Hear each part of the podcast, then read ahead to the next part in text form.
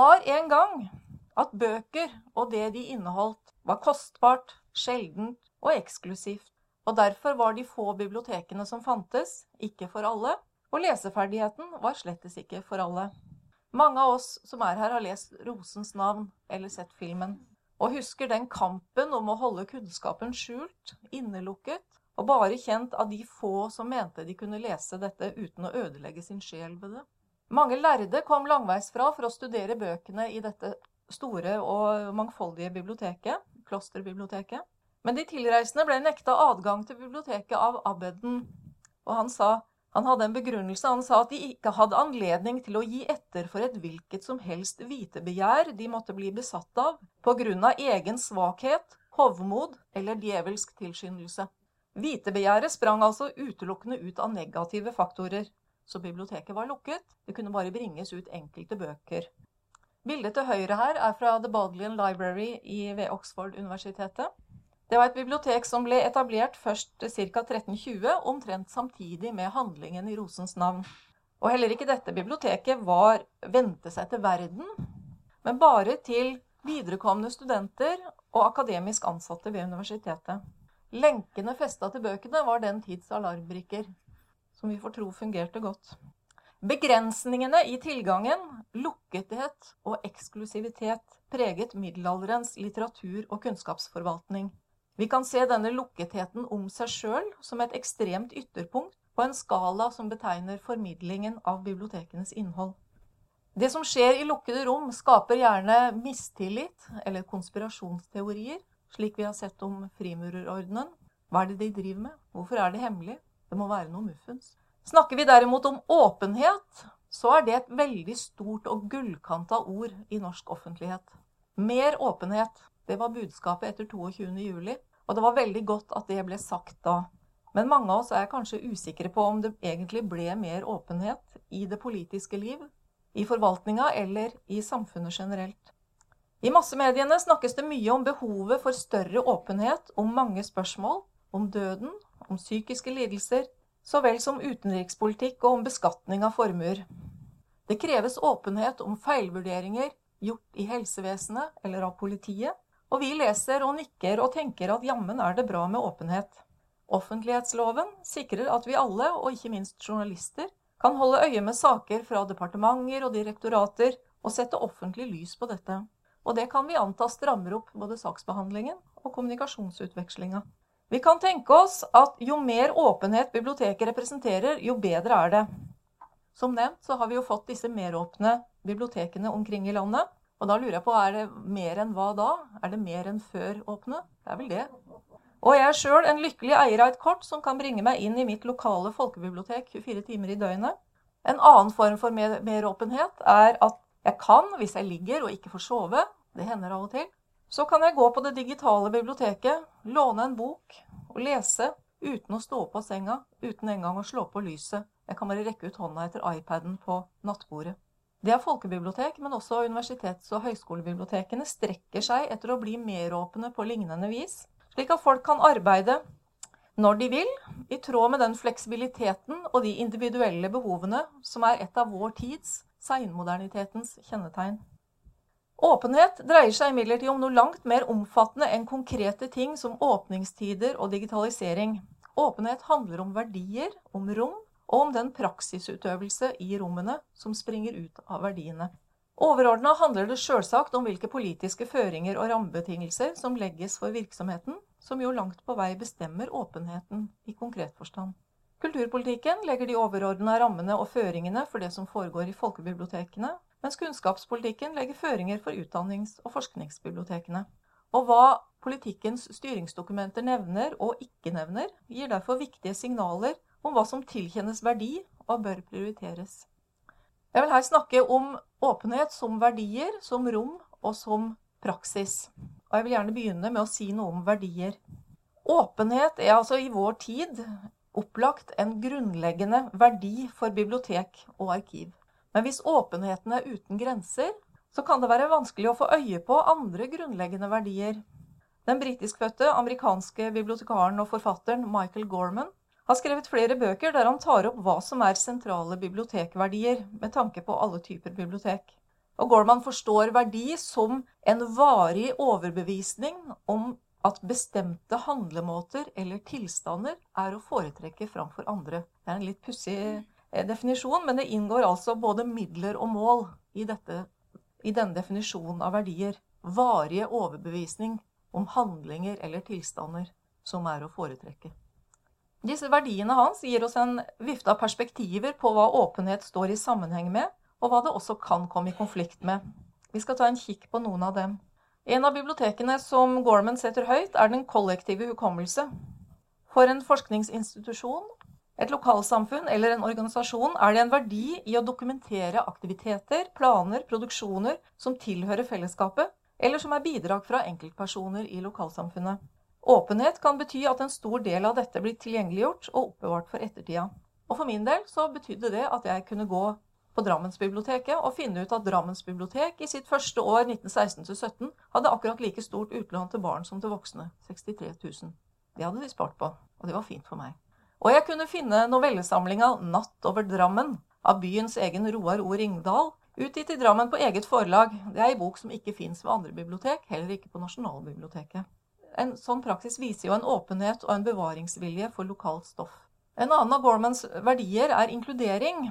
Inkludering vil jo si at alle er velkomne inn, uten krav om annet enn å vise et visst hensyn til andre, og kanskje følge noen regler, mer eller mindre.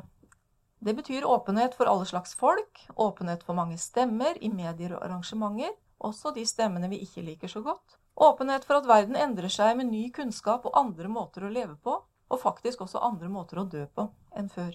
Åpenhet kan man tenke seg kan komme i konflikt med inkludering hvis biblioteket tar inn medier eller står bak arrangementer som oppfordrer f.eks. til vold mot minoriteter, eller annet som rammes av lovverket.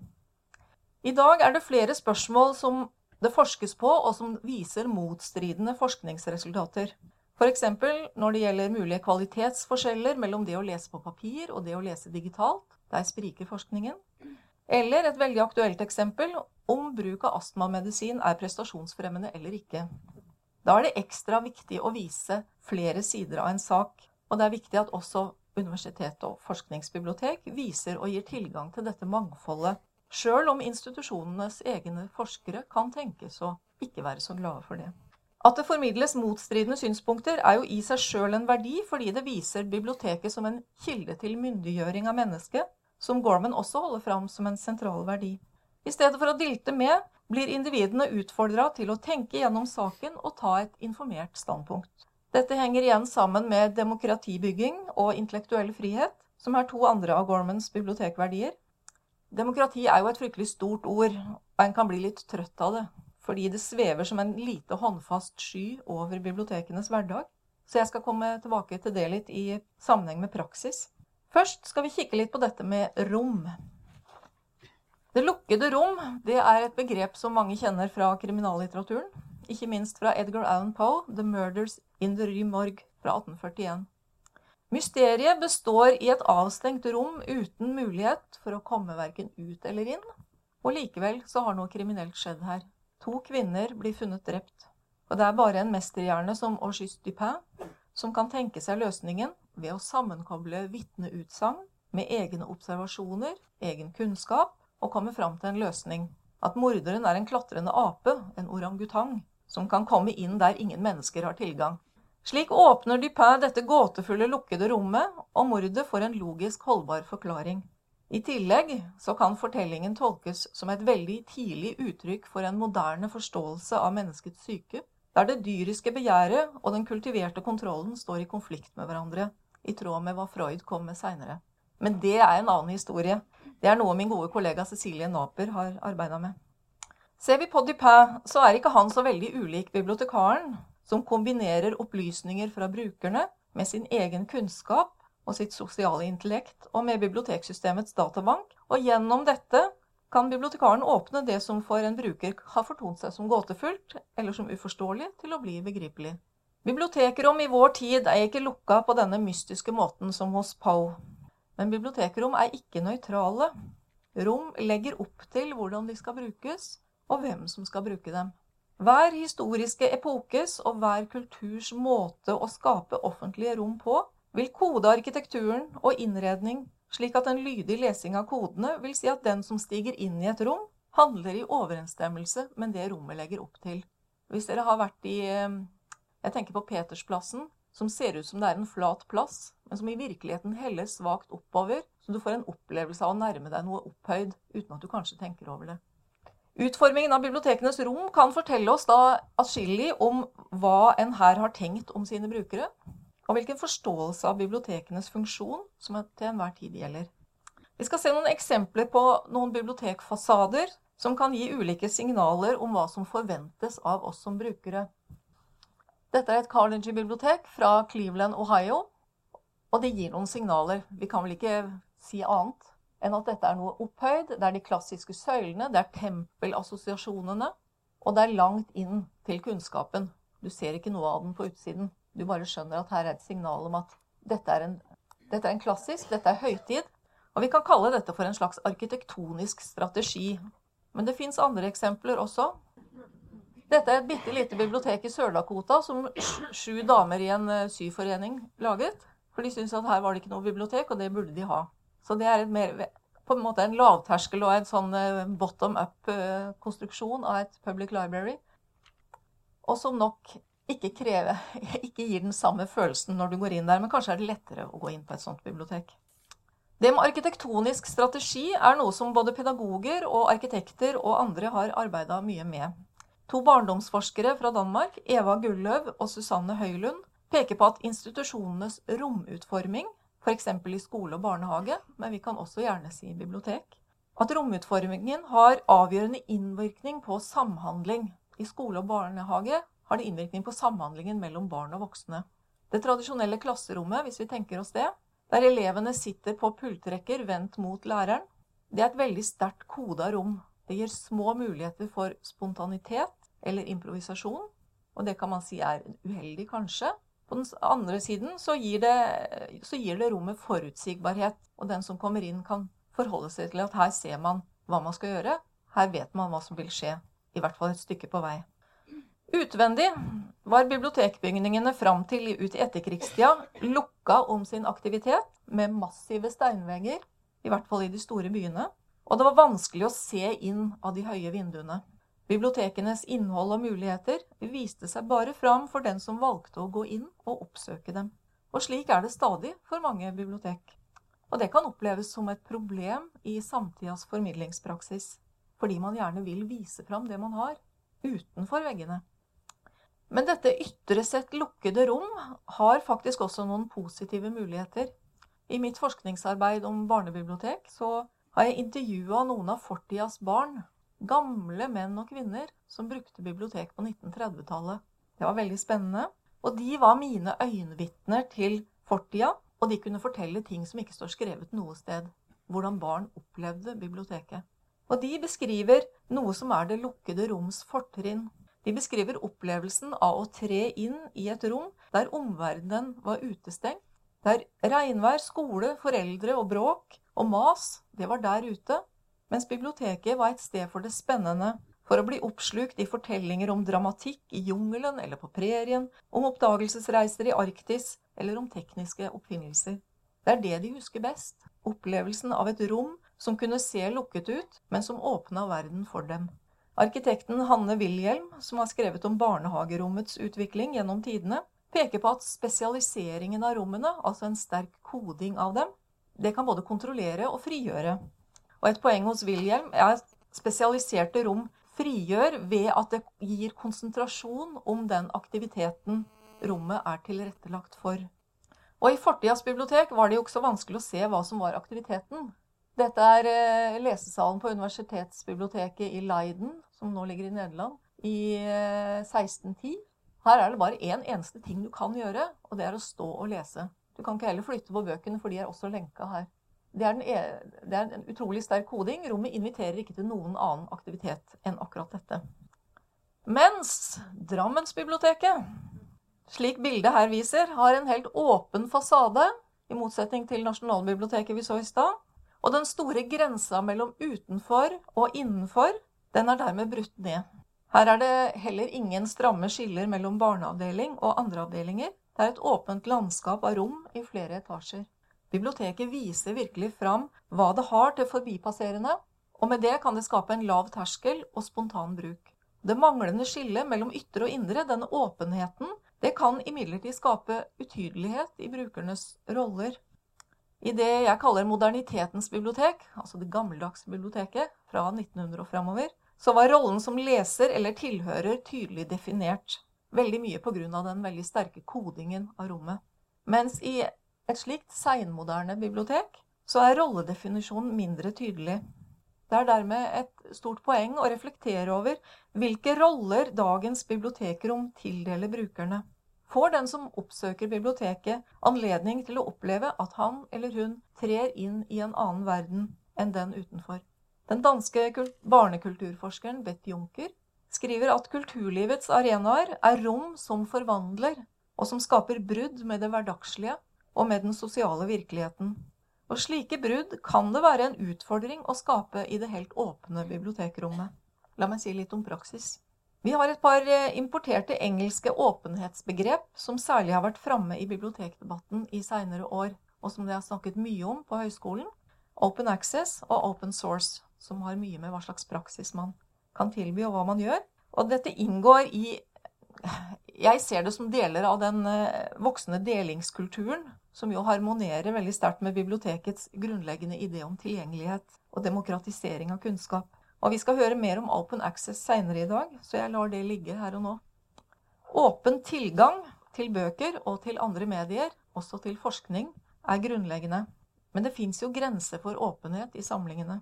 Det ville vært en fin opplevelse om alle tekster, fra de eldste til de samtidige, var åpent tilgjengelige, gratis for alle på nett, eller nedlastbare til våre egne lesebrett. Men der kommer som kjent åpenheten i konflikt med økonomiske verdier og åndsverkslov.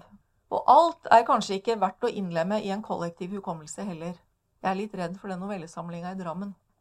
Og eh, selv om det er produsert av et bysbarn, eller selv om det er produsert av en workshop i organisasjonen biblioteket tilhører. Det vanskelige er jo å vite hva som er verdt å spare på. Hva er verdifullt for noen om 50 år, eller om 100 år? Satser vi på at alt er eller blir tilgjengelig digitalt, så er det en illusjon. Det er i hvert fall noe jeg er helt sikker på etter å ha gravd i bibliotekmagasiner og kommunale og statlige arkiver i årevis. En praksis som utgår fra at alt finnes på nett, den mener jeg lukker døra til store univers av informasjon og kunnskap. Det var litt viktig for meg å få sagt akkurat det, kjente jeg. I mitt liv som bibliotekar og som bibliotekforsker så har jeg arbeida mest med barn og bibliotek. Jeg tillater meg derfor å snakke litt om åpenhet og lukkethet i denne praksisen, som er den jeg kjenner best. Og det har vært interessant å se hvordan praksis har endra seg over 100 år, og vi skal se litt på et par ytterpunkter i praksis. Overskrifta 'No dogs or children allowed' var et skilt som ikke var uvanlig å se i amerikanske bibliotek på 1800-tallet, før, før barnebibliotekrevolusjonen startet der borte. Jeg vet ikke hva som var verst, om det var barn eller hunder. Og i norske bibliotek så var de heller ikke så glad i barn lenge. Folke, biblioteksjefen på Gjøvik så seg nødt til å gå ut i lokalavisa i 1915, så seint som 1915 altså, og si at foreldrene måtte være så snill å passe på at barn under 14 år ikke har adgang til biblioteket. De som er under 14 år, var jo de som ikke var konfirmert. Og den gangen så lå eh, Folkebiblioteket på Gjøvik i andre etasje i Gjøvik Arbeidersamfunn, som fremdeles ligger i sentrum der. Så har du en helt annen versjon 100 år etter, da biblioteket i Stockholm 1013 og Bibliotøyen fra i år skriver at voksne er inte velkomne i biblioteket. Så her har det skjedd noe i 100-årsløpet. For 100 år siden så åpna norske folkebibliotek forsiktig sine første barneavdelinger de hadde ikke så veldig mange bøker heller, fordi det var ikke så mye. Og de opplevde at de øyeblikkelig ble bestorma av barn. Hyllene ble ribba for bøker, og leserommene ble fylt med trengsel. Og denne veldige forskjellen fra å være helt lukket for barn, og til over årene å bli gradvis, gradvis helt åpent for barn, det mener jeg er den sterkeste og viktigste nyorienteringen i folkebibliotekenes historie. Forandringen over de hundre årene kan tilskrives flere ting, bl.a. forandringer i synet på barn og barndom, og en stigende bevissthet om at offentlige myndigheter har et ansvar for barns oppvekstvilkår. Denne erkjennelsen av ansvar vises politisk ved at omkring 1900 så ble det vedtatt en rekke lover som ivaretar barns rettigheter på flere punkter, både innenfor helse, skole og juridiske rettigheter, med de Castbergske barnelover bl.a. Ser vi på bibliotekarenes holdning til barn, så var de fram til omkring 1900 ganske lik på holdningen til abbeden i Rosens navn. Bøker inneholder ting du ikke har godt av å lese, så derfor holdes du borte fra dem. Og dessuten er du skitten på hendene og kommer til å ødelegge papiret. Men så begynte altså barnebibliotekrevolusjonen på tidlig 1900-tall i Norge gjennom barnebibliotekarene som hadde fått utdanning i USA og hadde fått syn for det viktige i å gi barn denne muligheten til kunnskap og til opplevelse som ikke avhang av foreldrenes inntekt. Og bybarna brukte bibliotekene for alt de var verdt, og minst mer til. Dette er Bergen offentlige bibliotek. Og fra barneavdelingenes begynnelse så var segregeringen mellom barn og voksne absolutt. Barn hadde ikke lov til å gå inn i voksenavdelingen, og det bekrefter informantene mine som eh, gikk på biblioteket på 30-tallet, at det var ikke lov. Og i en tid av modernitet og industrialisering så vokste også tilliten til ekspertsystemer. Og hvis vi tenker på de, disse modernitetens folkebibliotek, så minner de aldri så lite om fabrikker. Allting er på sin plass. Dewey-systemet innføres. Det er ikke tvil om hvor noe skal være. Henvendelser der, voksne der, barn der. Og ikke noe blanding av kortet her. Og kontrollaspektet var også veldig sterkt. Det bildet vi ser her, viser barnebibliotekaren eh, Hanna Vik, som står i døråpningen, på barnas egen inngang. For det, i større bibliotek så hadde barna egen inngang, slik at de ikke på noe tidspunkt skulle blande seg med de voksne. Det var helt hermetisk skilt. Og dere ser at det er mange som vil inn. Eh, barn var også under oppsyn absolutt hele tida. Og det ble anbefalt å bruke runde bord på barneavdelingene. For da var det bare ett barn om gangen som kunne sitte med ryggen til bibliotekaren. Og ingen behøvde være i tvil om hvordan barneavdelingene skulle være, for det står det i detalj beskrevet i en rekke artikler og i håndbok i Norsk barnebibliotekarbeide fra 1927. Ja. Gradvis ble det slakka av på denne kontrollen, og den strenge adskillelsen mellom barn og voksne ble bygd ned. Og de egne barneinngangene ble gjort om eller stengt, og barn kunne bevege seg friere i flere rom. I dag, bl.a. i Drammensbiblioteket, så ser vi at bygningene forlater segregeringene mellom barn og voksne, og åpner alle rom for alle generasjoner, noe som er en sterk oppvurdering og anerkjennelse av barns informasjonsbehov. Noen velger likevel å skille ved å stenge voksne ute, slik som 10 og 13-biblioteket i Stockholm og den nye ungdomsfilialen Bibliotøyen. Og det er en lukkethet som kan gi en god konsentrasjon om ei bestemt aldersgruppes særlige behov. Men det innebærer også en lukkethet som avsondrer denne gruppa fra andre aldersgrupper, og som også avsondrer denne gruppa fra et bredere medietilbud enn det de kan få i disse alderssegregerte avdelingene. Dette har det vært ganske mange diskusjoner om, og jeg tror ikke det er ferdig debattert heller. Et særlig viktig aspekt ved utviklingen på Bibliotøyen er demokratiaspektet. For ut fra bibliotekets demokratiske verdi så må det vokse fram en praksis som også er i ferd med å vokse fram, med demokratisering av innhold og aktivitet ved at brukerne får anledning til å påvirke praksis. Og det gjorde de i høy grad i Bibliotøyen. Eh, via kontaktpersoner i barns miljø så fikk eh, aktuelle aldersgrupper ble invitert til å foreslå, til å prioritere hva som skulle skje, og til og med til å kategorisere mediene etter kategorier som barna syntes var aktuelle og interessante. Og det var sikkert ikke alle forslag som ble realisert, og det var sikkert motstridende meninger og nye generasjoner brukere må få anledning til å sette fram sine prioriteringer og ønsker. Og det må de egentlig få anledning til i alle bibliotek, alle typer bibliotek. For hvis ikke biblioteket oppleves som relevant for dem det henvender seg til, så er det inne på et sidespor på Mysen stasjon, slik stuntpoetene hevda om formidlingen av norsk lyrikk på 80-tallet. Og her vil ingen være. Hvordan harmonerer da bibliotekenes verdier, rom og praksis med gjeldende bibliotekpolitikk? Og hva er vår gjeldende bibliotekpolitikk? Vi fikk ett dokument i fjor som gir noen nasjonale føringer for folkebibliotekene og for Nasjonalbiblioteket.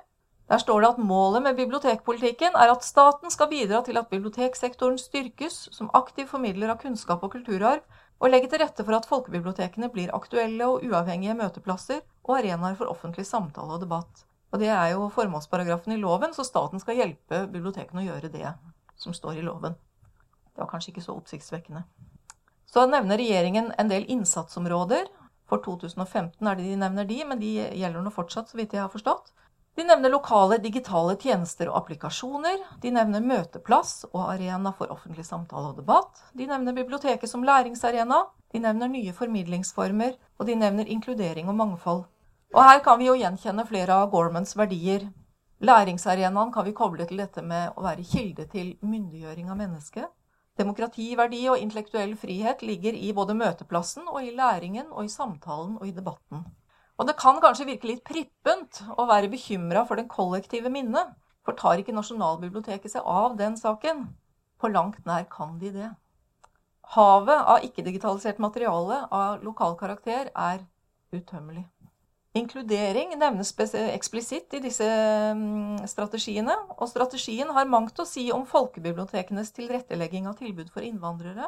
Jeg savner sjølsagt strategisk tenking for bibliotektilbudet til barn, der dette dokumentet ikke sier noe som helst, men hele dokumentet er gjennomkrydra med veldig vakre bilder av barn i bibliotek. Som jeg syns er en ganske retorisk sett ganske stor motsetning. Eller sjølmotsigelse.